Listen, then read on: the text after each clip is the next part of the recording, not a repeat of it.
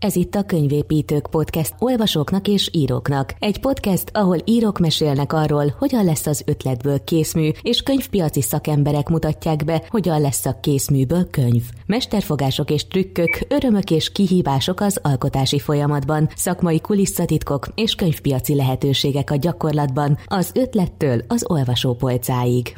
A Könyvépítők Podcast vendégeivel Fehér Gábor műsorvezető beszélget. Szeretettel köszöntöm a Könyvépítők podcast hallgatóit. Követőink megszokhatták már, hogy vendégeink jellemzően nagy nevű befutott szerzők, és főként őket kérdezem arról, hogy milyen az ő szerzői létezésük, hogyan alkotnak és mit tanácsolnak a náluk valamivel kezdő pályatársaknak.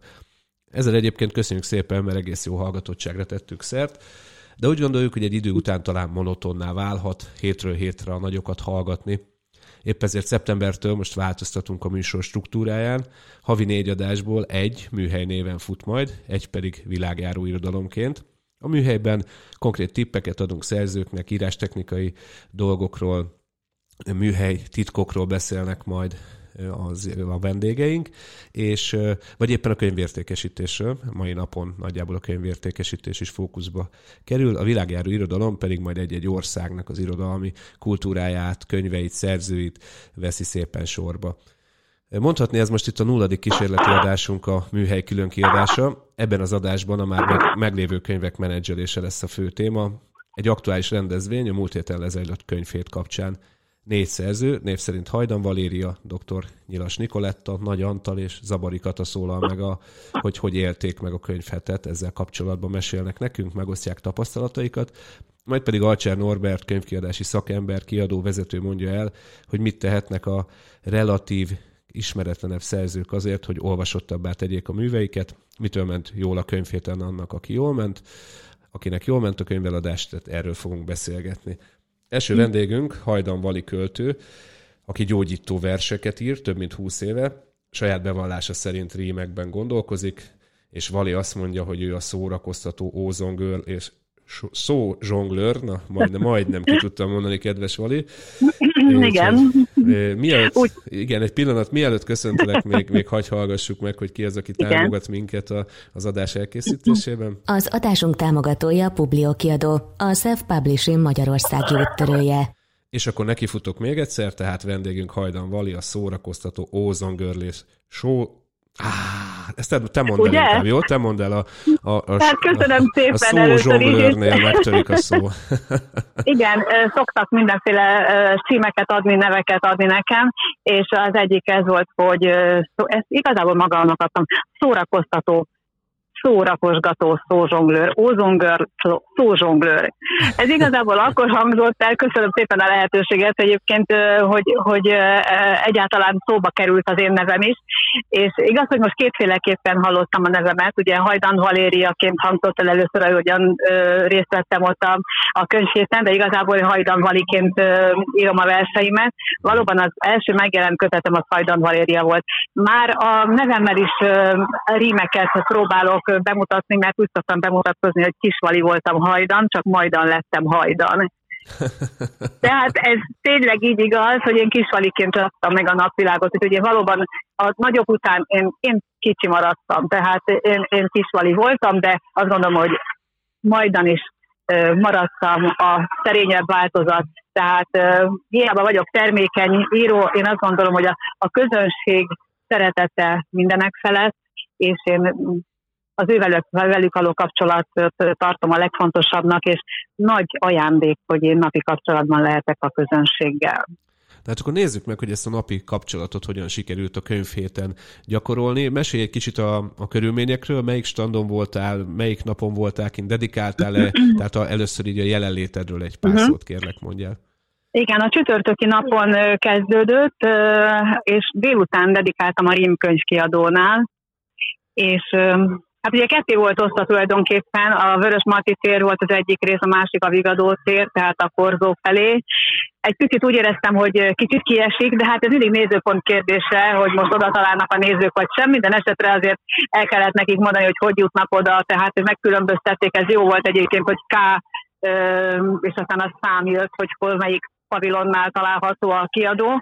Sok kiadó van tényleg, A Rimkönyvkiadó adott ki nekem egy könyvemet korábban, és az a pandémia miatt elmaradt annak a bemutatója, illetve hát tavaly nem volt könyvét, és most lehetőséget kaptam, hogy ott dedikálhassak. Mely, mi, mi a könyv címe? Mond, mondd el. Lilike, Lilike és barátai. Uh-huh ez tulajdonképpen a gyerekeknek szól elsősorban, kisebb, nagyobb, tehát három-négy éves sportól, és aztán ahogy haladunk a versben, versekben előre a könyvben, úgy egyre nagyobb gyerekeket, illetve a szülőket és a nagyszülőket, testvéreket is érinti. Fel, Tehát egy komplet felnő, felnő, felnő Lilike lényegében, vagy mi történik? Felnő a Lilike, igen, és aztán utána sok minden kiderül, hogy a Lilike tulajdonképpen kis, tehát um, azt gondolom, hogy egy, egy fejlődést mutat be, hogy, hogy hogyan tud egy, egy vidéki kislány felnőni úgy, hogy szeretetben van, akinek a legfontosabb érzés az szeretet.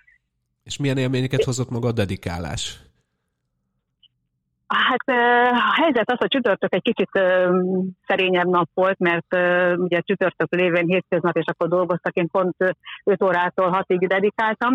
Akkor igazából nem volt nagy lélekszámú olvasó, viszont az írókkal találkoztunk, és az nagyon jó volt. Tehát az, az, az nagyszerű találkozási lehetőséget adott, hogy bemutathattuk egymásnak, és cserélhettünk könyveket. Uh-huh. Aztán a pénteki nap az, az érdekesebb volt már, mert ott azt hiszem délelőtt, igen, tízkor. Tehát egyik nap én zártam, másik nap én kezdtem 10-től 11-ig, és akkor már többen voltunk, ez egy nagyon-nagyon jó kis csapat volt ott a Rém könyvkiadónál. De akkor még ugye nem jelent meg a legeslegújabb könyvem, ami nagyon-nagyon izgalmas volt, hogy tényleg elkészül-e. Úgy volt, hogy péntekre meg lesz, de végül is csak estére lett kész, akkor kaptam készed, és akkor szombaton volt lehetőségem bemutatni a, a legesebb, legfrissebb szóvirágaimat, lélekvirágaim címmel jelent meg ez a verses kötetem.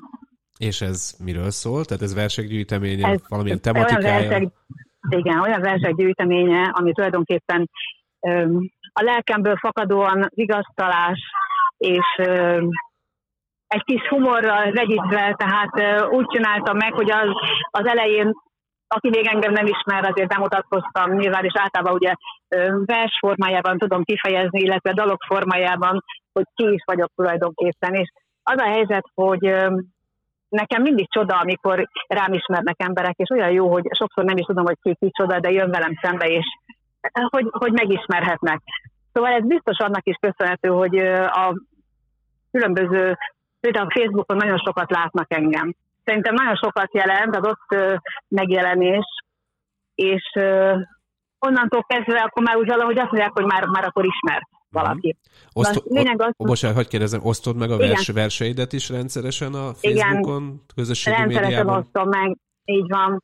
Öm, van egy, van egy versportál, ahonnan elindultam tulajdonképpen a poet, poetről indultam el annó 2000 10 tájékából, igazából akkortól ö, számít nekem, nekem az elő, első előadásom, mert először nem is a könyvem jelent meg, hanem 2010-ben én magam jelentem meg a színpadon, a Budapesti Kamara Színház színpadán, és aztán ott az nagyon nagy siker volt, és a közönség akkor kérdezte, hogy hát, és hol lehet ezt olvasni? Uh-huh. És akkor elhatároztam, hogy hát tényleg akkor viszont e, ezt, ezt meg kell csinálni, és nekem a közönség, tehát az ő kívánságuk olyan, mint amikor a gyerekem kíván valamit, mert azt én szeretem teljesíteni, ha tudom. Úgyhogy így született meg 2011-ben a Füldevali című versestetetem. Uh-huh.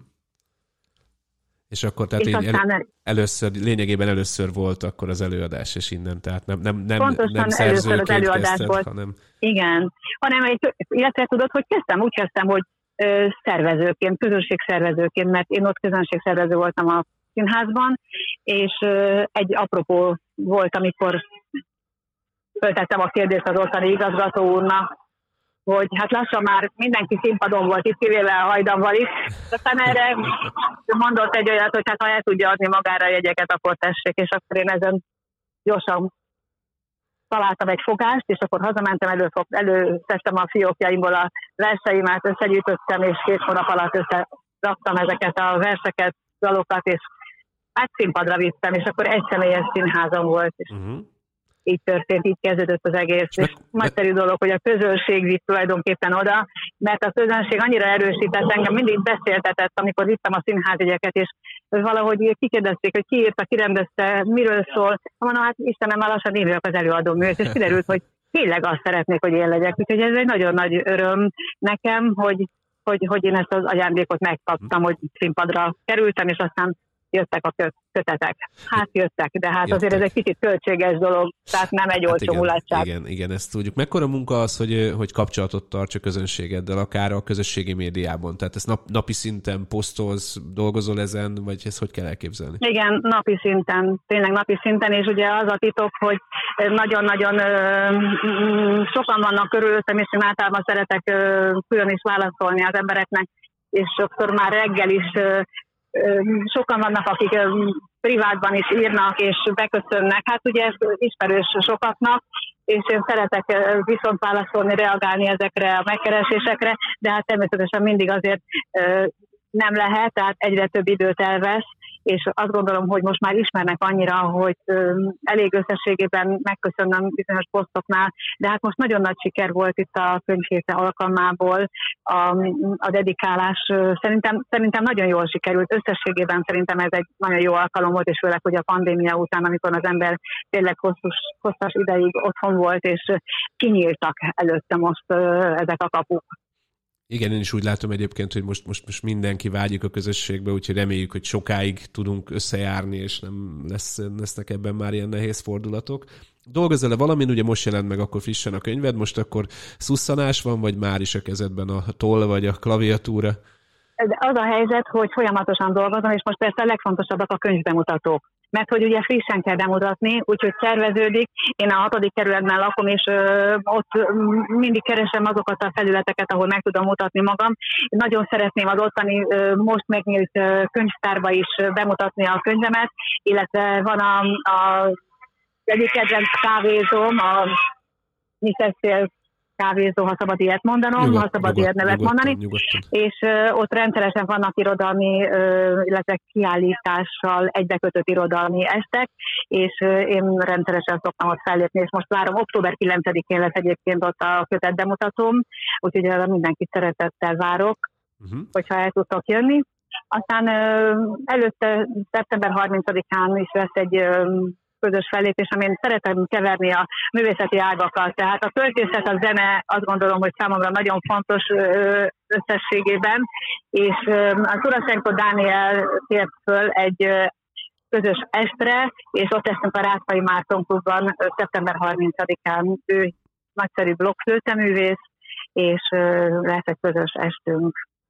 Ez remekül hangzik, mindenkinek ajánljuk a figyelmébe. Én itt ülök mondjuk egy gép előtt, és fölkeltetted az érdeklődésemet, akkor, akkor hol találok hajdanvali verseket?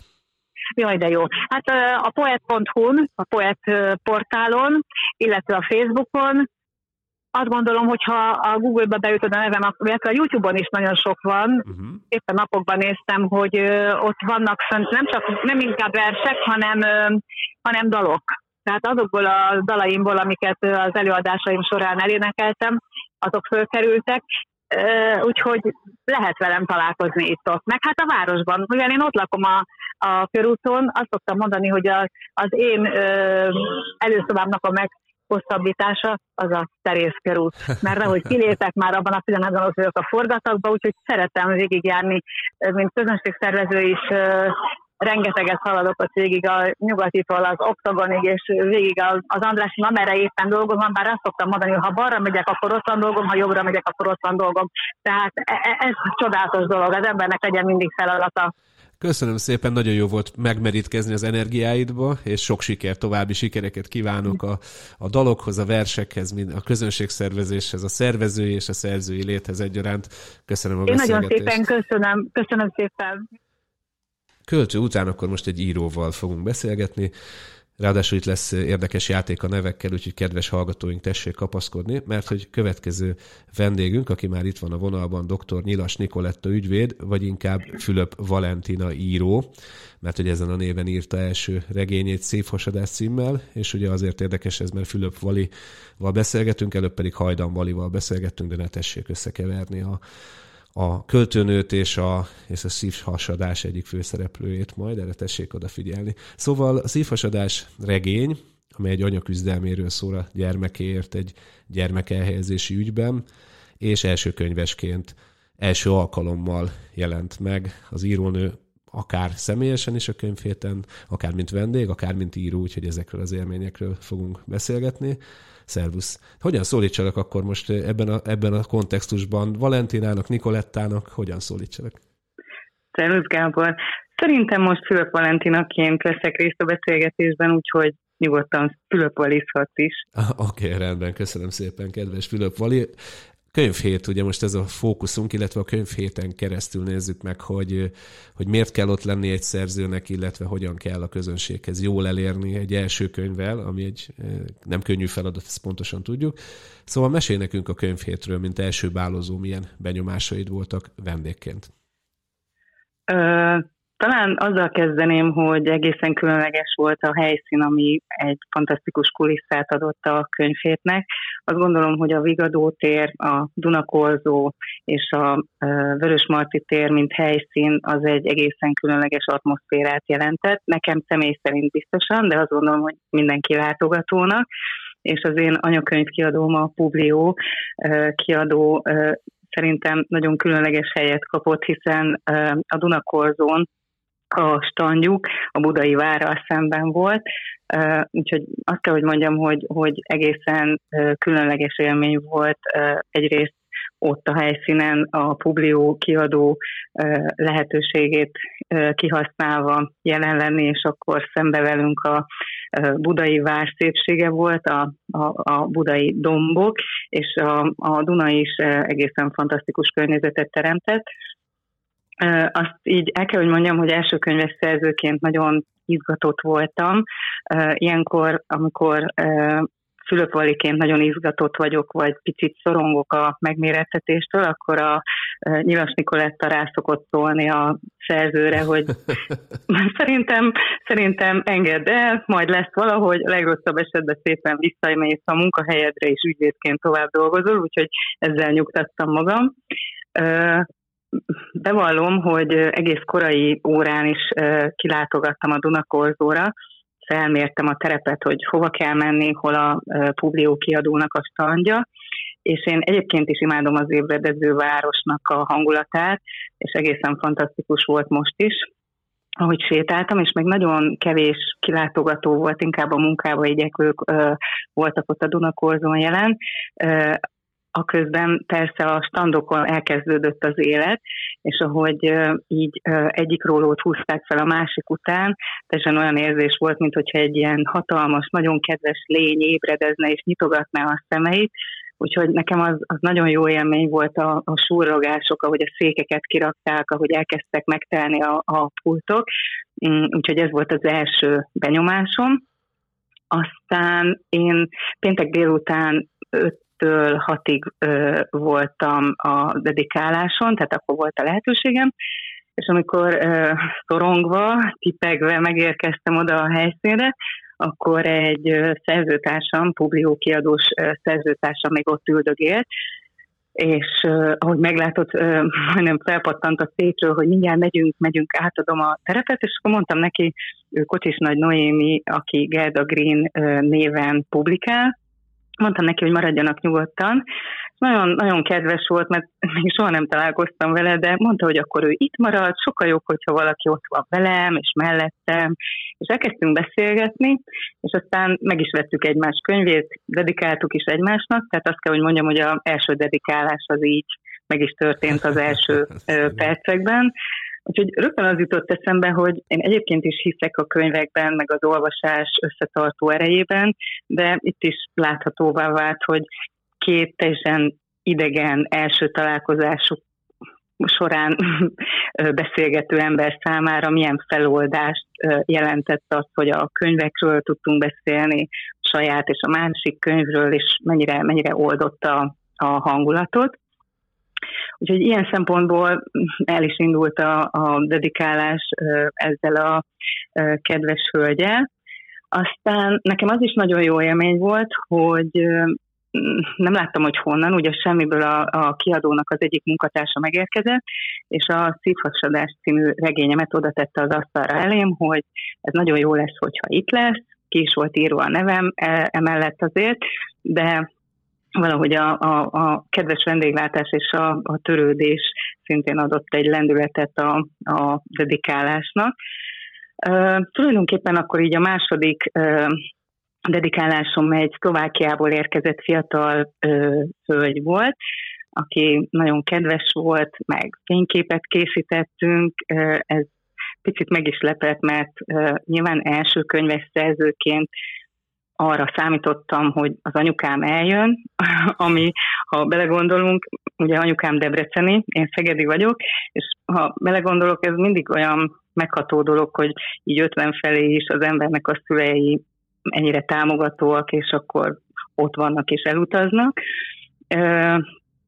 És akkor, ahogy ott üldögéltem, megjelent a nagymamám unokatestvére, akivel azt hiszem, hogy 30 éve nem találkoztam. Mm. Ő, is vett egy könyvet, beszélgettünk a könyvről, aztán befutott a keresztapám, meg a felesége, akik szintén 20 éve nem láttak engem.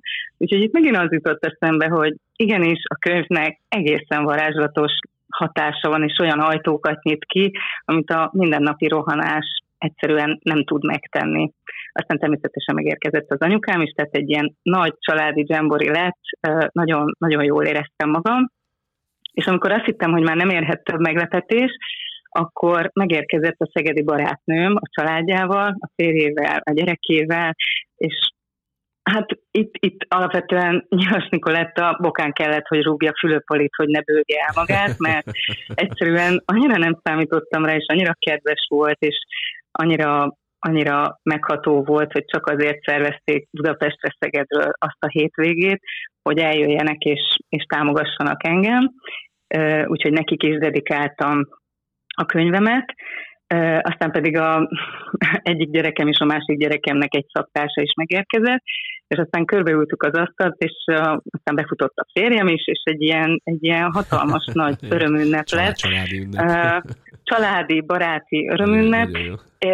Igen, azt gondolom, hogy a könyvnek ez is a, ez is a célja, hogy, hogy azonos érdeklődésű, azonos gondolkodású embereket ilyen szinten is összekössön. Hát ezt szoktuk is ajánlani, meg szorgalmazni, hogy hát ha a saját nagyobb családod nem olvas, meg nem ajánlja a könyvedet, akkor akkor ugye miben tudunk mi segíteni? Tehát a dolog itt kezdődik, amikor a család, a barátok, a szerzőtársak a kezükbe veszik, és aztán azt mondják, hogy ha-hó, hát ezt olvasd el, mert jó, és akkor innentől kezdve már van 10-20-30 értékesítőnk, ez remek dolog.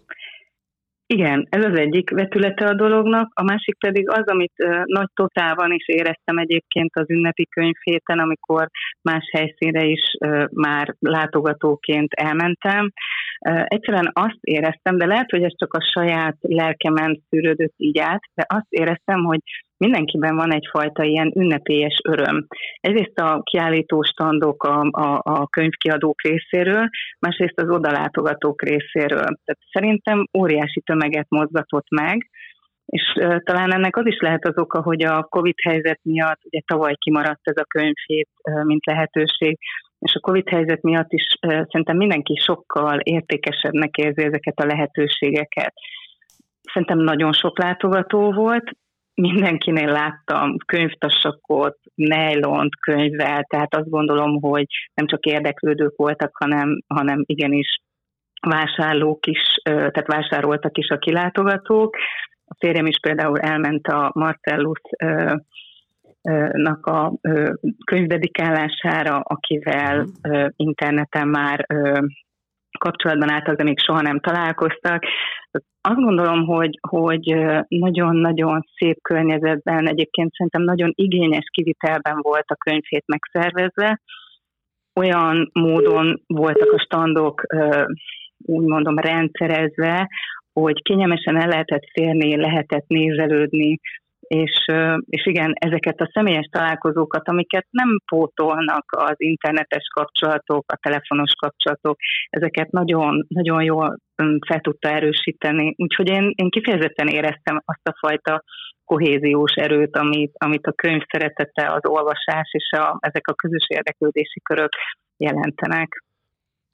Hát ez a könyvhéten mindenképpen tetten érhető, és ahogy mondod, nagyon-nagyon jó újra együtt lenni, tehát ez, Ez mindenképpen fantasztikus dolog, és az online verziók mindezt nem pótolják, de mégis aki, aki egyébként szeretne online is kapcsolatot tartani, annak azért egy ajánlatot hagyadjak, itt egy gombot most megnyomok. Kiadnád a könyved? Segítséget szeretnél? Csatlakoznál egy több mint 3000 főt számláló írói közösséghez? Akkor keresd a Kiadom a könyvem könyvépítők csoportot és oldalt a Facebookon. Légy te is tagja a Kiadom a könyvem közösségnek. És ha már könyvkiadás, egy kicsit evezzünk el a könyvhéttől, hogy állsz a könyved mellé első könyvesként? Nagyon kíváncsi vagyok rá, hogy mit teszel azért, hogy, hogy sokan elolvassák így, akár az offline, akár az online tevékenységed, egy néhány gondolatot, ha elmondanál, azt megköszönném. Alapvetően azt gondolom, hogy egy könyvet akkor lehet eladni, hogyha hiteles, hogyha önazonos, ezért készítettem egy Facebook oldalt, nem meglepő, vagy meglepő, de Fülöp Valentina ként lehet rákeresni a Facebookon. Ezen az oldalon abszolút személyes gondolatokat is osztok meg, miközben promótálom mondjuk a könyvemet, a szívhasadásnál is így tettem. Emellett én folyamatosan írok novellákat, és a novellákat is feltöltöm az oldalra, tehát a, a, az oldal látogatói rá tudnak kattintani a, a novellákra, és el tudják azokat is olvasni, ami szintén egyfajta vetülete az én, én szerzői munkásságomnak, illetve személyes élményeket is leszoktam írni, akár a könyv keletkezésével, akár a kiadóval kapcsolatos munkámmal, vagy munkámról, tulajdonképpen a, a, a szerkesztőmmel való kapcsolattartásról is ilyen, ilyen kis kulisszatitkokat próbálok megosztani, mert azt gondolom, hogy ez talán érdekes lehet mindenki számára. Alapvetően ez az a, ez az a felület, ahol én próbálom elérni az olvasóimat. Most egy picit kevesebb novellát írok, mert költözésben, lakásfelújításban vagyunk, és ez picit elviszi az energiáimat, de szerencsére tavaly nyáron megírtam a második könyvemet, amit idén januárban a szerkesztővel átdolgoztunk, és most már a fülszöveg is megjelent az oldalamon, tehát a fülszöveget is tulajdonképpen megszerkesztettem, a borító tervezés van hátra, és akkor, ha minden jól megy, akkor őszi megjelenésre lehet számítani. Na, spoilerezzünk egy kicsit. Mi, mi ez a könyv, mi a cím? Publikus már, vagy még titok? Igen, igen, csak annyit mondok el, amit a Facebook oldalon is megosztottam, mert próbálok izgalmasan előjönni a kis gyöngyökkel, amiket előgurítok a könyveimmel kapcsolatban. A címe a Túl sokat álmodtam, az a címe, hogy Túl sokat álmodtam, és egy mint ahogy a, a szívhasadás az az anyasságról, az anyaság erejéről szól egy kis izgalmas történetbe csomagolva. Ez a könyv, ez egy férfi főszereplő szemén keresztül tulajdonképpen az apaság szépségéről és a szerelem erejéről szól. Arról szól, hogy egy férfi mire képes, vagy mit képes megtenni annak érdekében, hogy, hogy a, a nő, akit nagyon szeret, azzal a házasságát megpróbálja megmenteni. Tulajdonképpen, tulajdonképpen a fülszöveg azt tartalmazza, hogy hogy semmi nagy dolgot nem vált ő az élettől, egyszerűen boldog akart lenni a nővel, akit szeret, és a gyerekeit nevelni, és sikeres belső építés szeretett volna lenni. Mm, arra nem számított, amit a sors ö, tulajdonképpen a vállára rakott terhet, egy sötét erőként működő betegség az, ami teljesen megboldítja az életét, és nem fogok ennél többet sokkal elárulni, a fülszövegben sem teszem. Ez egy, ez egy bármikor ugrásra kész olyan betegség, ami, ami akár szétcincálhatja az emberi kapcsolatait, az életét. Ez egy nagyon-nagyon szép ballada egy férfinek a, az érzéseiről, miközben visszatekint a arra, ahogy megismerkedik a feleségével, tehát egy nagyon szép szerelem története is, és egy küzdelmes, tulajdonképpen egy belső lelki utazást ír le. Talán, talán ennyit mondanék, és a, a főszövegben is ennyi van. Én nagyon szeretem, rengeteg irodalmi utalás van benne, illetve nekem az egyik kedvenc városom Firenze. Mindennel, amit Firenze tud adni, a, azzal a nagyon komoly építészeti és azzal a nagyon komoly művészeti értékkel együtt. Úgyhogy van egy nagyon erőteljes rész a könyvben arról, hogy ők amikor elutaznak Firenzébe, akkor ott hogyan élik meg ennek a városnak a szépségeit.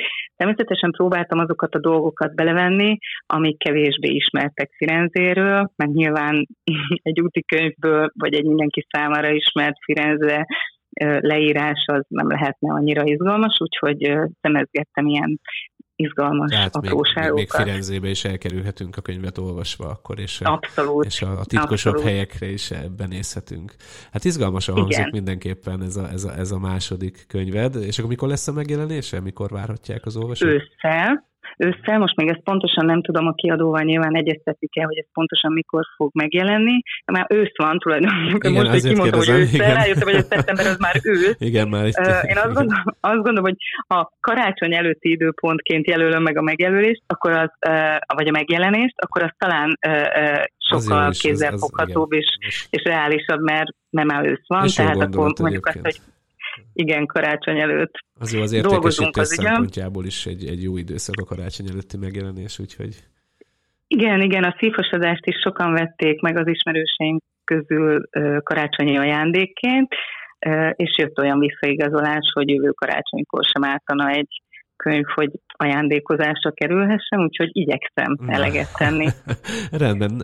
Köszönöm szépen ezt a bejelentést is, meg köszönöm a beszélgetést, az élményeidet, és hát sok sikert kívánok a szívhasadáshoz is, és, a, és az ősszel vagy télelején megjelenő következő könyvezethez egyaránt. Köszönöm szépen. Köszönöm szépen. Szervusz. Szia.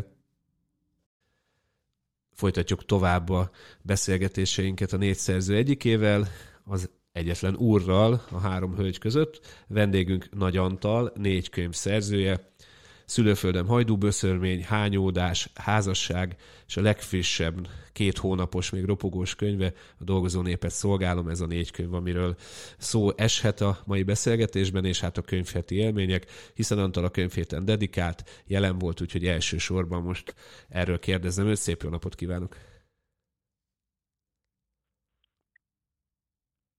Haló, Antal? Igen. Szép jó napot kívánok, itt van vonalban.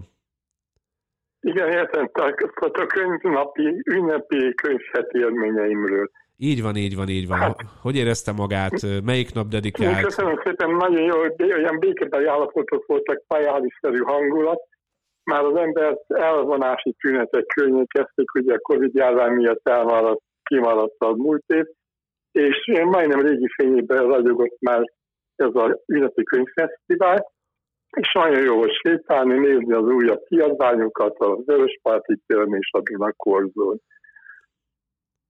És mi, mi vitte rá? Most... Mi, miért döntött úgy, hogy ön szeretne megjelenni a könyvhéten? Mi volt a motiváció? Miért fontos ez? Hát egyrészt a rangot jelent mindenképpen, másrészt több olvasóhoz jut el az ember műve, és új ismerősöket, barátokat szerezhet. Bár mondjuk az én eredeti célom nem a nagy közönség volt, hanem a szűkebb családom, barátaim, ismerőseim részére foglaltam a életem eddigi tevékenységét, rendszereztem a munkásságomat, és a fotókat bedolgoztam. Tehát gyakorlatilag egy ilyen emlékkönyv, emlékalbumszerű dolog, rendhagyó, tehát tulajdonképpen nem is tipikus legény, hanem hát egy ilyen egyvel, egy-egy digest-szerű akármi. Uh-huh. Itt most a dolgozó népet szolgálomról beszélünk, vagy, vagy minden? Hát eddig általában beszéltünk. A dolgozó népet szolgálomról az pedig azért itt volt jelentős, mert maga ez a téma eléggé titokzatosnak tűnik az emberek szemében, és hát gyakorlatilag nem olyan sok mű van, amelyik szépirodalmi népszerűsítő formában dolgozza fel a cég, a belügyminisztérium, egyes részlegeinek, szerveinek, vagy pedig tevékenységeinek a bemutatását, általában tudományos történeti jellegű könyvek vannak. Most én megpróbáltam ember közelből ábrázolni, és alul nézetben a dolgozó szemébe, szemével milyen egy cég, amelyik hát elég titokzatos, és olykor valljuk be, és főleg azért, mert nem ismerjük. Én 21 évet töltöttem a baligminiszterűben, azt jelenti, hogy matrózként kezdtem, és gyakorlatilag kapitányként fejeztem be, illetve első tisztként, mert hát volt, amikor megbízott vezetője voltam a nemzetközi kapcsolatok osztálynak, volt, amikor osztályvezető helyettes, és így láttam el, így szolgáltam a dolgozóimat. Hát akkor ön aztán 21 éven át. 21 éven át. Mettől meddig tartott ez az időszak? 1969-től 1990-ig. Tehát egészen, egészen 90-ig eltartott. Hát akkor ön nagyon-nagyon sok mindent tud és ismer. Mindent le lehet már írni ebbe a könyvbe? Gyakorlatilag igen. Az az igazság, hogy az államtiszkok elavultak, közben megtörtént a rendszerváltás, új törvények, jogszabályok vannak, tehát gyakorlatilag nem volt itt mitől tartani azért meg kellett gondolni, hogy mit ír az ember, mert vázós államtitkokat még ma sem szívesen adnék közre, és hát nem is a stílusom, hogy locsi fecsízzek, vagy pedig éppen fontoskodjak. Én, ami úgy véltem, hogy tehet, hiszen az emberek nem tájékozatlanak, rengeteg kredit néznek, meg olvasnak, tehát van fogalmuk a titkos tevékenységről, a titkos szolgálati munkáról, és én ilyen módon partnerként kezeltem az olvasóimat és az ismerőseimet. Uh-huh. Gyakorlatilag értik is. A visszajelzésekből kitűnt, hogy reálisnak tartják, tájszerűnek, jól dokumentáltak, és az az igazság, hogy nagy örömmel szolgált, hogy a mostani könyvnapon szakmai előjáró Rosszol János ezredes is részt vett, aki már előzőleg elolvasta a könyvemet a dedikálás előtt, és dedikáltatta, úgyhogy ő elismerést és fejezte ki is gratulált. Tehát szakmai szempontból úgy néz ki, hogy megállja a helyét. Tehát nincs benne madzak, hogy úgy mondjam, ahol nagyon lehetne szintálni, vagy kötözködni a szöveggel, vagy a tényekkel. Eljöttek akkor az egykori társak, tehát ott voltak a könyvférten többen dedikálni, vagy, vagy van mozgás a könyv körül ilyen szempontból? Ilyen szempontból voltak, akiket meghívtam külön, és ígérték, hogy jönnek, hát voltak, aki el tudott jönni, voltak. Az igazság, hogy én már körülbelül száz példányt terjesztettem a barátok, ismerősök körében. Most akik ott voltak, hát a főnököm, akiről beszéltem, a családtagjaim voltak ott, és utcáról is sétáló emberek is, úgy, hogy úgy mondjam, belelapozgattak, és volt, aki megvette. Uh-huh. Ez alapján a fülszöveget miután elolvasta, érdekesnek találta, egy levétáros honfitársunkról van szó, aki javasolta, hogy a könyvet én küldjem el a, a, a állami na, illetékes helyre. Úgyhogy hát mondtam neki, hogy az már interneten van 2015 óta, minden műve ott van, és az ötödik, ami még függőben van, az is ott van már az interneten, annak aranyalkony a címe, úgyhogy ha minden jó megy jövőre, vagy azután megjelentetném, és akkor teljes lenne az opuszom, hiszen most már azt jelenti, hogy szakmailag nyugdíjaskorig földolgoztam a életpályámat, és az áldás lenne a nyugdíjas évek, ami mondható, hogy igen, kellemesen telik, és van mire visszaemlékezni szépre, és hát izgalmas dolgokra, és persze kemény munkára is.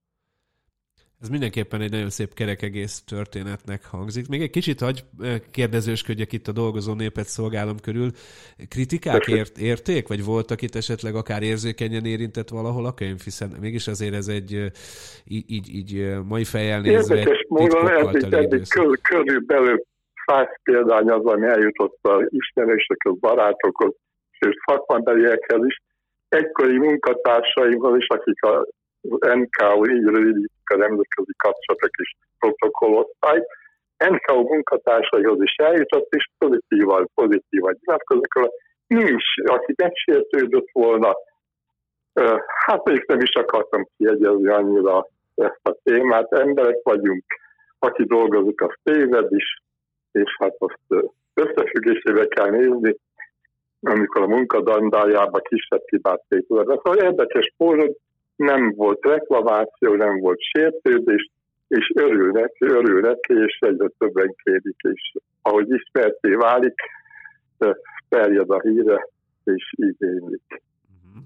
Hát fölkeltette az érdeklődésemet a dolog mindenképpen nekem is, mint történelmet szerető embernek. És hogyan terjeszti a könyvet? Tehát rendben, hogy értem, hogy a pályatársak vagy barátok körében, de van Én egyébként... egy, egy lista alapján a szerzői példányokat és hát egy, egy bizonyos kontingest rendeltem, azt elküldtem, és ajánlott a Libri hálózatán keresztül országos terjesztés alatt van. Úgyhogy így mondom, egyedül ezt nem tudnám megoldani. Erre vannak a hivatott szervek, hogy ők forgalmazzák szakszerűen, és nincs is probléma, úgy értesültem ezzel kapcsolatban. Értem. Azt már nem tudtam megtenni, hogy hátizsákban cipeljem, vagy mint annak idején Trabant hátuljából áruljam, vagy házaljak, menjek könyvbemutatók a könyvtárokba ide-oda, úgyhogy azért vannak a könyves boltok, hogy azok terjesztik. Köszönöm szépen, tehát akkor egy, egy ilyen életösszegző munkának indult, aztán a családnak egyfajta emlékezésnek indult, aztán azóta pedig, ha jól értem, azért egy sokkal tovább jutott a, a, a családnál ez a könyv olvasó, olvasók kezébe is került. Ehhez hagy gratuláljak, illetve a könyvheti jelenlétéhez is. Köszönöm szépen, Köszönöm, Köszönöm szépen, szépen a beszélgetést, és további sikereket kívánok. Köszönöm. És kedves hallgatóink, elérkeztünk a, ezen blokk utolsó szerzőjéhez, akik a könyvheti élményeikről és a könyvterjesztési kihívásaikról mesélnek nekünk. Zabari Kata a vendégünk, aki hát egy mély és komoly és nehéz témában írt egy könyvet, 52 álom címmel, egy édesapa elvesztését dolgozza fel 52 álom formájából. Tehát tényleg ez egy olyan könyv, amiről így halk szóval eh, illik és szokás beszélgetni. Katát most arról kérdezem, hogy hogy élte meg a könyvhetet, milyen volt számára ott lenni első könyvesként, és, és valamint tényleg még arról, hogy hogyan terjeszti a könyvét. Szervusz, Kata! Szia! Szeretettel üdvözöllek téged is, valamint a kedves hallgatókat is. Mesélj nekünk először így hoz minket képbe, légy szíves, hogy melyik standon voltál, melyik napon voltál kin a könyvhéten, kezdjük így a, a, a dologi dolgokkal, a részletekkel. Szombati napon voltam kint, méghozzá a 43. standon az Underground kiadónál. És hogy nézett ki ez a dedikálás? Milyen élmények értek? Hát azt tudom mondani, hogy fantasztikus. Egyben megtisztelő érzés is volt, hogy egyáltalán, mint, mint első könyves szerző erre lehetőségem nyílt. Szombat dél körül gyakorlatilag az első pillanat, amikor a saját szememmel megpillantottam a, a könyveket, a saját könyvemet a standon, mm, éppen rásütött a borítóra a késő délelőtti nap, ugye itt egy hófehér borítóról beszélünk, amin a föld van, kötelekkel körbevéve, amik elszakadtak, amikor a lélek távozik, és ez a pillanat, amikor ezen a borítón a napsugarak vakítóan landoltak, az, az valami félelmetesen felszabadító érzés volt. Egyfajta megváltás, a szabadság pillanatának megörökítése, és az, hogy ez egy első alkalom volt, nekem, mint első könyves szerzőnek, az az igazság, hogy még mindig nem tudok róla nem mosolyogva és, és boldogan beszélni. Mm, még mindig tele vagyok érzelmekkel, a hatása alatt vagyok, pedig már ugye napok teltek el szombat óta. Abszolút lehet érezni egyébként a hangodon, meg így, ahogy, ahogy beszélsz róla valóban, hogy, hogy, hogy, hogy élted meg ezeket a pillanatokat, ezért csoda a könyvét, hogy az, e, az emberben aztán igazán tudatosul ez a szerzői lét, hogy ott a könyve most andon, én pedig itt ülök, és emberek jönnek És aztán emberek jönnek, Igen. hogyan jönnek emberek egy nehéz témában? Jönnek emberek, hogy tudtatok beszélgetni? Egy nehéz témában viszonylag nehéz, nehéz embereket becsalogatni. Természetesen kollégákat, barátokat, családot tájékoztattam erről az alkalomról, hiszen hiszen egyrészt örültem a lehetőségnek, másrészt azért tele voltam büszkeséggel, hogy erre, erre alkalom nyílt. Meghívtam a, az illusztrátoromat is, ezúton szeretném neki is megköszönni a fantasztikus sziluettrajzokat, illetve a barátságot, ami kialakult az együttműködés alatt.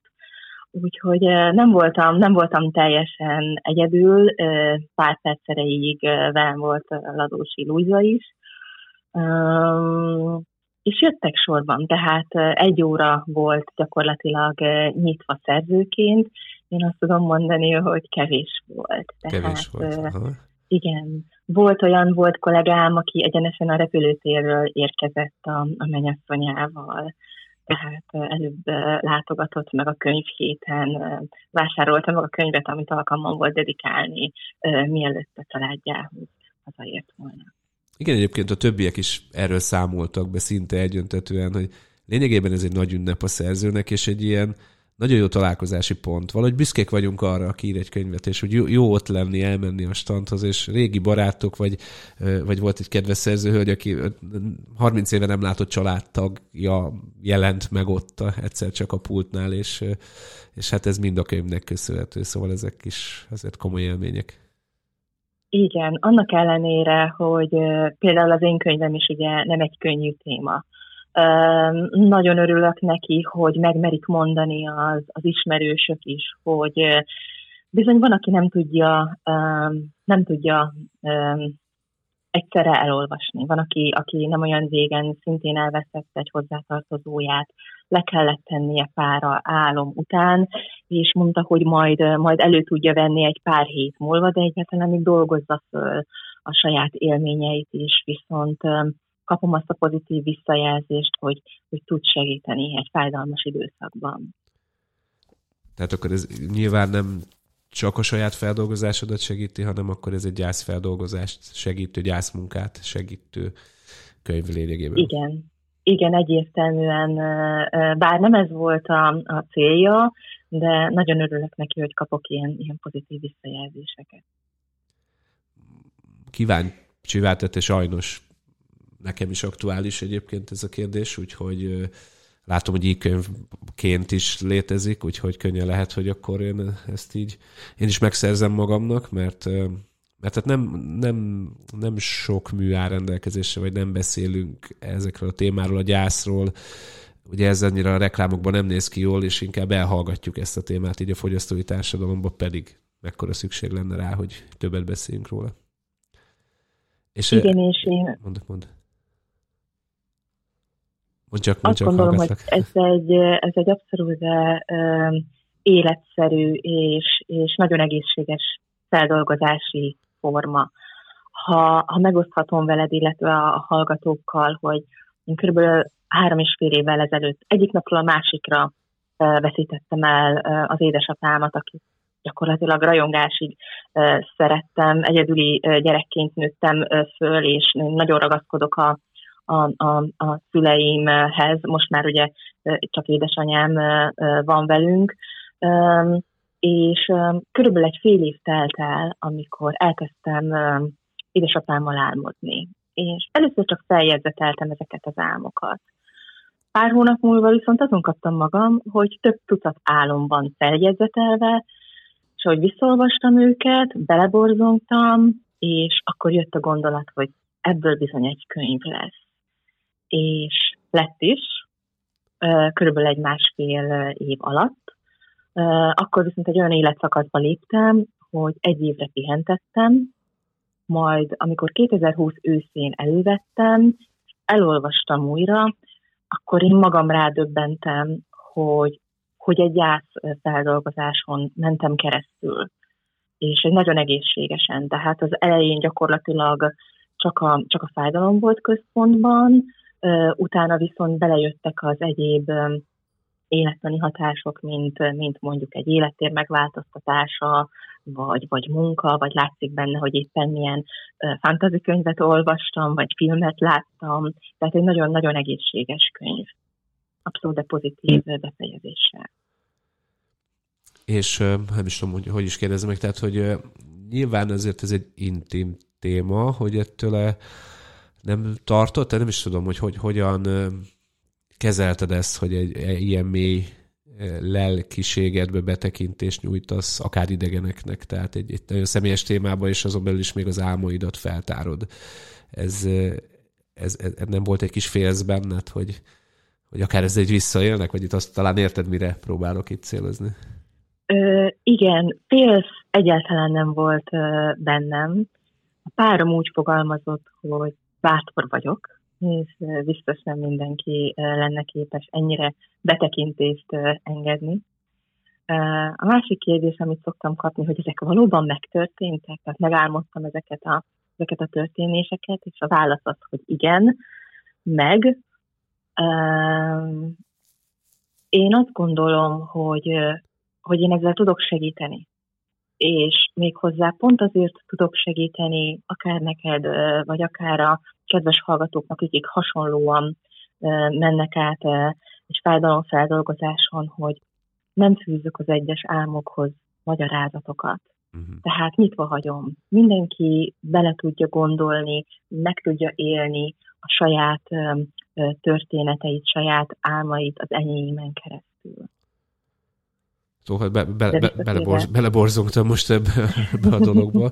Nagyon, nagyon, nagyon érdekesen hangzik, hogy tehát igen, ezt nem jó, hogy elmondtad, hogy nem arról van szó, hogy akkor utána te pedig egy ilyen gyász munkát feldolgozó kézikönyvet adtál, hogy akkor most hol kell tartani, vagy, vagy nem egy munkafüzet, hanem egy ilyen saját élményes álmos történet, és hát akkor mindenki utazhat veled, álmodhat a maga álmát. Szóval, na hát most igen, az érintettségem véget is. Na, rá kellene térnünk arra, hogy hogyan jutsz el az olvasókhoz. Tehát nagyon jó dolog, hogy megjelenik a könyv, és nagyon jó dolog lenne, hogyha mindenki ezzel jutnál, akinek kell segítség a feldolgozásban, de te mit teszel azért, azon kívül, hogy a könyv hétre elmész, mit teszel azért, hogy sokan olvassanak téged? Építem a social media felületeket, azt gondolom, hogy a mai világban ez, ez elengedhetetlen. Van Facebook oldalam, meg vagyok található az Instagramon is, szoktam történeteket megosztani, megosztom az aktuális olvasmányokat is, valamint keresem az írói kapcsolatokat, keresem a közösséget is, keresem az utam. Ebben az útkeresésben az elmúlt hónapokban rátaláltam két szerzőre is. Az egyik Ferger Anna Mária, akit jelöltek Dugonics András irodalmi díjra, ifjúsági kategóriában. A másik szerző Gazi Béla, akit szintén jelöltek Dugonics András irodalmi díjra, viszont őt költészet kategóriában. És megfogadva az ő tanácsaikat gyakorlatilag próbálom az ismerősi körben, az ismerősi hálózatban terjeszteni azt, hogy van ez a könyv, létezik, én is vagyok, és az ő segítségükkel úgymond bővíteni ezt a hálózatot, hogy minél több olvasóhoz eljuthasson. Nem csak nyomtatott könyvformátumban, hanem e-book formátumban is megtalálható, egyelőre magyar nyelven, de szeretném spanyolul és olaszul is megjelentetni. Az egy, az egy szép, szép kihívás, nagyon, nagyon kíváncsi leszek, hogy és mikor ez megvan a terv, hogy spanyolul olaszul mikor jelenne meg? Igen, remélhetőleg évvége fele, azért lett ez a két nyelv választva, mert egy unokanővérem Olaszországban él, egy másik unokahúgom pedig Spanyolországban. Uh-huh. Úgyhogy megvannak már családon belül a fordítók is. Hú, de jó, hát akkor arra kérlek, hogy ígérd meg nekem, hogy ha megjelenik, és eltelik egy kis idő, akkor, akkor megkeresed, és akár beszélgessünk arról, mert ez mindig izgalmas, hogy hogy tud egy magyar szerző a, a külföldi piacra lépni. Beszélgessünk róla, hogy milyen utat járt be Spanyolországban és Olaszországban az 52 állam, vagy akár Magyarországon. Köszönöm szépen a beszélgetést, és további. Hát Én nem tudom, egyébként még azt, hogy kérdezem meg nyilván, tervezele további további könyveket írni, hiszen ez egy nagyon személyes téma, egy, egy, egy egyszerinek hangzik. Kedvet kaptál ahhoz, hogy akár, akár fikciós könyveket írj, vagy, vagy akkor ezt így letetted, és másfelé tart az utad?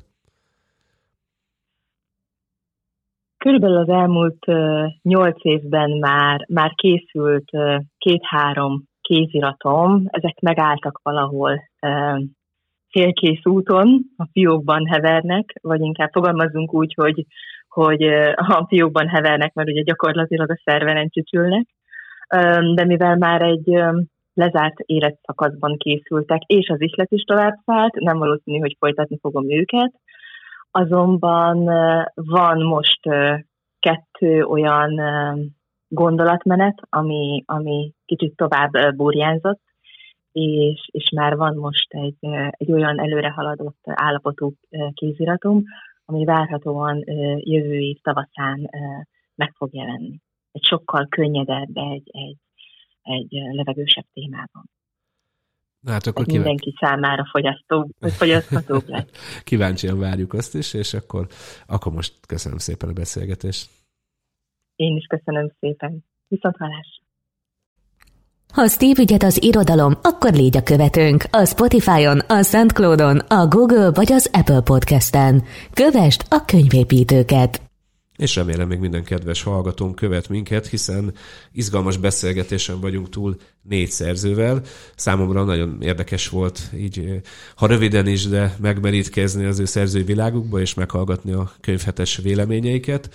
Most pedig, hiszen azt mondtuk, hogy műhely, most abba akarunk segíteni, hogy akár egy ilyen könyvhéten, vagy egy könyvfesztiválon hogyan lehet képviselni a saját írásunkat, illetve mit tegyünk azért, hogy, hogy ezek az alkalmak sikeresek legyenek, hogy egyáltalán mire is való egy könyvhét azoknak a szerzőknek, akik még elején járnak ennek az útnak. Erről beszélgetünk Alcser Norbertel, a könyvkiadási szakember és kiadóvezető, és ő is kettő standal is jelen volt a könyvhéten, úgyhogy a könyvheti tapasztalatok, illetve miért is jöjjön egy szerző a könyvhétre, könyvfesztiválokra. Erről kérdezem őt. Szervusz, Norbert. Szervusz.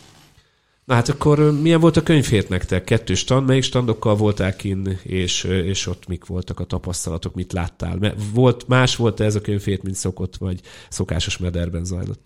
Hát végre volt könyvhét. Ugye tavaly évben nem volt egy darab könyvfesztivál sem, illetve könyv hetes rendezvény. Egyedül a Margó Fesztivál volt megtartva tavaly októberben, de az is eléggé zártan, könyvásár igazából nem volt. Úgyhogy nagy örömmel fogadtuk, hogy bár a nyár elejét ugye még eltolták, de nagyon biztos ígérték, hogy szeptemberben meg lesz tartva, és így is lett. Úgyhogy mi ennek nagyon örültünk. A könyvhét annyi látszódott a, a, az eddigi, vagy a, a vírus hatásait, hogyha ezt így akarom elemezni, akkor az, az látható volt, hogy sokkal szellősebbek voltak a standok, sokkal jobban uh, kinyúltak a, a Vörös Marti tértől jobban kimentek a Dunakorzúra, a Vigadó teret jobban igénybe vették. Ugye a Vörösmarty teret átalakították, nem tudom ki állt arra, ott ö, én azt gondolom, hogy ha elmúlik ez a vírus, akkor hogy sokkal ö, szorosabban, sokkal jobban össze tudunk jönni. De, de szerintem most is egy nagyon hasznos volt, szellősen volt, nyugodtan tudtunk sétálgatni, nyugodtan tudtunk a, a könyvek között nézelődni. Ugye két standal voltunk kint, egy szerzőkönyvkiadásos standal és a Publio underground illetve a Kiadom a könyvem konferenciának a standjával, Uh, ahol, ahol váltuk ugye azokat a szerzői könyvkiadásban, vagy magánkiadásban próbálkozó szerzőket, akik szeretnének a könyvüket kivinni, vagy pedig dedikálni. Egyébként ilyenkor kicsit avas be minket a színfalak mögé, tehát azért megy ki egy kiadó, hogy megvegyék jól a könyveit és megmutassa a szerzőit, vagy egyébként ilyenkor, ilyenkor történnek könyvszakmai megállapodások a háttérben, kiadók tárgyalnak egymással, tehát a szakma is dolgozik, és a szakma is pörög, vagy, vagy ilyenkor azért a nagy közönséget fogadjátok? Hát a szakmai oldalról azért ez egy pofa vizit. Tehát természetesen mindenki megnézi a másiknak a standját, főleg, hogyha itt konkurenciáról van szó. Átnézzük mi is azokat a kínálatokat. Én azt gondolom, szerintem az elképzésbe is egy picit beletekintünk, hogy ki hogy képzi az árakat ki hogy akarja a meglévő készletét kifogyasztani, de azért a könyvfét nem egy szakmai, nem egy belső szakmai program, ott elsősorban az olvasókért vagyunk, az olvasók minél több könyvhöz hozzájussanak, lehetőleg természetesen az újdonságokat is megmutatva. Sokan voltak az olvasók? Tehát látogatott volt a könyvét? Én azt gondolom, hogy igen. Tehát a, a, azt, hogy, hogy Covid volt, vagy járvány, én ezt nem vettem észre. Ami, ami, bocsánat, ami észre lehetett venni, az egyedül a külföldieknek a jelenléte, bár fura, hogy Magyar Könyvfesztiválról beszélünk, azért sokáig ö, jelentős létszámmal érkeztek külföldiek, ugye mégiscsak egy, egy, egy turisztikai központban volt, egy a főváros központjában volt a rendezvény, és voltak olyan standok, ahol angol nyelvű könyveket, mint most is voltak, csak egy picit kevesebb volt mm. szerintem a külföldi résztvevő. Tehát a külföldi résztvevő, aki állító akármi, az, az, az, az hát igen, igen. az, az a, még egy másik téma lesz, ami az beindul. Igen, hát az, hogy, hogy a, a kiadónak még miért ír meg, természetesen azért itt egy könyvásáról van szó, szeretne minél többet értékesíteni, illetőleg a meglévő készleteket egy picit átmozgatni.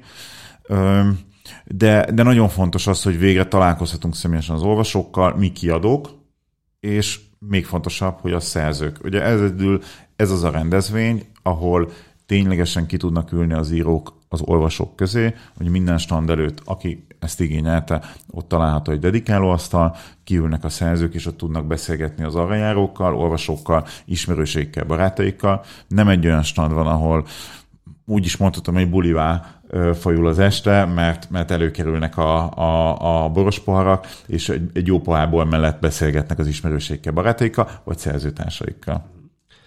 És a szerzőknek mi, miért jöjjenek el? Tehát oké, okay, azt mondom, hogy itt én el fogok adni 17 könyvet, egyébként pedig, pedig nyomom az online csatornáimat, és inkább posztolok az Instán, a Face-en, meg a TikTokon, és akkor az ott sokkal jobb, de valamiért mégis eljönnek, vagy ezt tanácsoljátok nekik. Mi a fő ok, amiért szerzőként én odaüljek?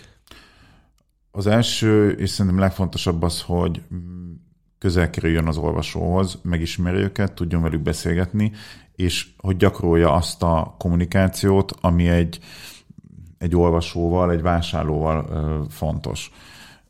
Az is nagyon fontos, hogy lásson más írókat, hogy ők hogyan működnek, hogyan dolgoznak. És én nem a, a sikerszerzőkről beszélek, mert tudom, mert beszélgettem egy-két szerzővel, akik körbejártak, és a dedikálások után úgy megjegyezték, hogy hm, jól éreztem magam, de azért ott annál a stannál, hogy hosszú sorál, igen, csak ő Libri sikerlistás szerző, ja, hát igen, és persze. természetesen ő érte kijönnek. Szerintem mindenki tudja helyén kezelni a dolgot. Nagyon fontos egy ilyen dedikálásnál, hogy, hogy azért, azért vagyunk ott, hogy találkozzunk azokkal az emberekkel, akik valamilyen szinten ismerik az én munkámat, és hogyha ez család vagy barát, az se baj, de ott vagyunk együtt, együtt ünnepeljük a könyvet, azt a könyvet, amit te létrehoztál. Mm. Tehát ne arra számítsak, hogy akkor én kiülök oda, és akkor egyszer csak majd jönnek és sorál előttem, mert ülök, mert ha én ezért nem teszek, vagy nem hívom ki a családtagomat, vagy éppen a, azt, a, azt a nagyon aktív követő magot az online csapatomból, akkor, akkor nyilván nem, nem lesz sor. Szerintem erre is van ö, lehetőség, ez is megtörténhet, hogy sor fog állni, viszont abban az esetben, hogyha azt a követő tábort ö, nem aktivizálod, ö, hogy miért jöjjön ki, miért találkozzon veled, akkor igazából neki nem biztos, hogy, hogy eszébe fog jutni, hogy igenis nekem jó lesz kijönni a könyvhétre. Nagyon fontos előre megtervezni azt, hogy mikor leszek kint, mi az, ami, amilyen üzenettel én tudom őket fogadni, mi az, ami esetleg ajándékot tudok nekik adni, egy dedikáláson kívül egy közös fotót, sütök süteményt, és azt meg lehet velem kóstolni, vagy pedig csak egyetlen találkozunk ah, és ez valami, valami, valami kis akcióval is lehet akár egy, egy ajándék könyvjelző, vagy a jó ég tudja, tehát a könyv, következő kedvemből, könyvemből egy kedvezmény kupon, vagy tehát ezt is érdemes végig gondolni. És ezt így lehet kérdezni, vagy, vagy, vagy, vagy illik ilyenekről beszélni, hogy kik mentek, milyen, milyen műfajú könyvek mentek, vagy volt-e, ami nagyobb kereslet volt nálatok, mit, mit láttatok? Nálunk most a művészi könyvek azok nagyon mentek, voltak ilyen művészi albumok, azokat nagyon szívesen vitték. Lehet olyan ajándéknak is, de most ennek úgy érzem, hogy keletje van, a non-fiction könyvek is nagyon mentek, ami alatt azt értem, hogy életrajzok, hogy valamilyen élethelyzetet feldolgozó, saját élettapasztalatból dolgozó könyvek is nagyon, de ez, de ez nagyon jellemző a mai könyvpiac, hogy ezek egyre jobban fejlőben vannak, és ezeket mi is látjuk. Tehát azok a szerzők, akik ebben gondolkodnak, én azt gondolom, hogy jó úton járnak, hogy ebbe menjenek. A könyvetet meg elnézve, én azt vettem észre, hogy ami a könyvesboltokban előtérben van, az itt nagyon ment és nekem is volt olyan könyv, ami vasárnap jutott már eszembe, és, és elfelejtettem megvenni, és már nem volt. Úgyhogy tehát ilyen, ilyenben az ember belefuthat, tehát uh-huh. érdemes időben jönni, főleg, hogyha az ember ki is nézett mondjuk egy, egy szerzőt, aki ezt dedikálni szeretne. Hogy én, én, én csak azt tudom mondani, hogy, hogy nagyon várjuk a novembert, mert novemberben ugye két fontos esemény is lesz. Nekünk az egyik, ugye kiadom a könyvem konferencia november végén, de a másik pedig a, a remélhetőleg, még az utolsó visszajelzés nem érkezett meg, ugye lesz könyvfesztivál hmm. november első hétvégén. Ezt akartam is kérdezni, hogy mondj nekünk, vagy hát mondja a hallgatóinknak kérlek olyan eseményeket, amire mondjuk érdemes időzíteni a könyvet kiadását. Tehát mondjuk, ha kiadást tervezek, akkor egy könyvhétre időzítsem, és ott jelentsem be, hogy van-e még két-három, nyilván a karácsony ez egy az egy adott zicser, de vannak-e még ilyen mérföldkövek, amikor érdemes, hogy nem csak egy március 27-én adom ki, mert éppen akkor lett kész, hanem mik ezek az időpontok? Hát, hogy normál is évet írunk, tehát, hogy nincsen hát, Covid. Most idő, idők abból, nem lesz abból. Ugye áprilisban van a könyvfesztivál, tehát egy március-áprilisi időzítés az tökéletes. Június első hetén szokott lenni a könyvhét. Uh, utána az augusztus-szeptemberi időpont ugye az az, amikor ha olyan anyag van, ami iskolásoknak fontos, akkor azt akkor fontos kiadni, vagy akkor lehet kiadni. A Margó Fesztivál ugye egyre rangosabb, főleg úgy, hogy ott van a Margó díj, ami első könyveszerzőknek szól. Az október első hetén van. Sajnos bár idén megrendezésre kerül újra az őszi Margó, viszont nem lesz könyvásár, a, régi megszokott könyvásár, mint mindig a, a, a vírus miatt és, és utána természetesen ott van a karácsony, és azért egyre több olyan karácsonyi könyvásár van, ahol ki lehet menni, akár személyesen is a szerzőknek. Tehát a karácsonyi könyvvásárok, tehát azért igen. a jó öreg karácsony az Hát a karácsony azért igen, az még mindig a, a legerősebb. Rendben. Még esetleg olyat tudsz mondani, hogy nálatok mi, mi különböztette meg, nehéz kérdés fog föltenni, tehát mi különböztette meg a könyvhéten sikeres írót, vagy ott értékesítő írót, a, a talán kevésbé menő példányszámoktól, vagy, vagy, vagy egy kicsit egyedül üldögélő dedikálótól? Um, erre egyszerű válasz. Az, hogy ő, ő elenge, aki, én azt gondolom, hogy aki, aki egyedül ült végig, uh, vagy, vagy, uh, vagy mondhatni nem volt tömeg, és úgy érezte, hogy egyedül maradt, az, és megnézve utólag a Facebook oldalát, vagy egyéb közösségi oldalát, és az maradt el, hogy meghirdesse ezt a rendezvényt. Tehát az, hogy ő ott lesz kint, és vele, lehet vele találkozni. Az a személyes kommunikáció, vagy az a, egyáltalán az a kommunikáció, ami a közösségi médiában meg kell, hogy legyen, az, az itt hiányzott, és ugyanúgy hiányzik a molyos aktív részvétel is. Tehát, hogy a szerzőknek nem kommunikálnak megfelelően olyan, ott nem alakítanak ki olvasótábort, akiket rögtön tudna értékesíteni, hogy gyere, lehet velem találkozni, és lehet velem beszélgetni. Egy ilyen dedikálásnak szerintem nem az az első, hogy megvedd a könyvemet, hanem az, hogy dedikáld a könyvemet, beszélgessünk, találkozzunk. Oké, okay, hát akkor esetleg aki úgy érzi, hogy nem teljesen sikerült úgy, ahogy szerette volna, vagy tervez majd a, akár a következő jövő évi könyvhéten jelen lenni, vagy ilyen eseményeket szervez, tervez, az fontolja meg ezeket a szavakat, hogy hogy kell erre rákészülni. Ahogy a szerzőink is elmondták, munka, munka, munka, sajnos az is, eh, ahogy a közösségi médiában kapcsolattartás, és ha ébren tudjuk tartani az olvasóinkat, a követőinket, akkor őket bizony lehet irányítani az ilyen eseményekre. Hát ilyen és ehhez hasonló beszélgetések, előadások pedig a Kiadom a könyvemet konferencián hallhatóak lesznek majd, marketing témakörben is, amit tegyenek a szerzők a könyvük népszerűsítésért témakörben. Több előadást tervezünk. November 27-én kerül erre sor a Lurdi házba. Aki még nem vette meg a jegyét, ezt tessék, tessék megvenni. És aki pedig úgy érzi, mert, mert közvélemény kutatásunk kapcsán látjuk azt, hogy többen nem tudtok majd eljönni, mert külföldön éltek, vagy mert nagyon messze vagytok, vagy esetleg bármilyen akadályoztatás kapcsán.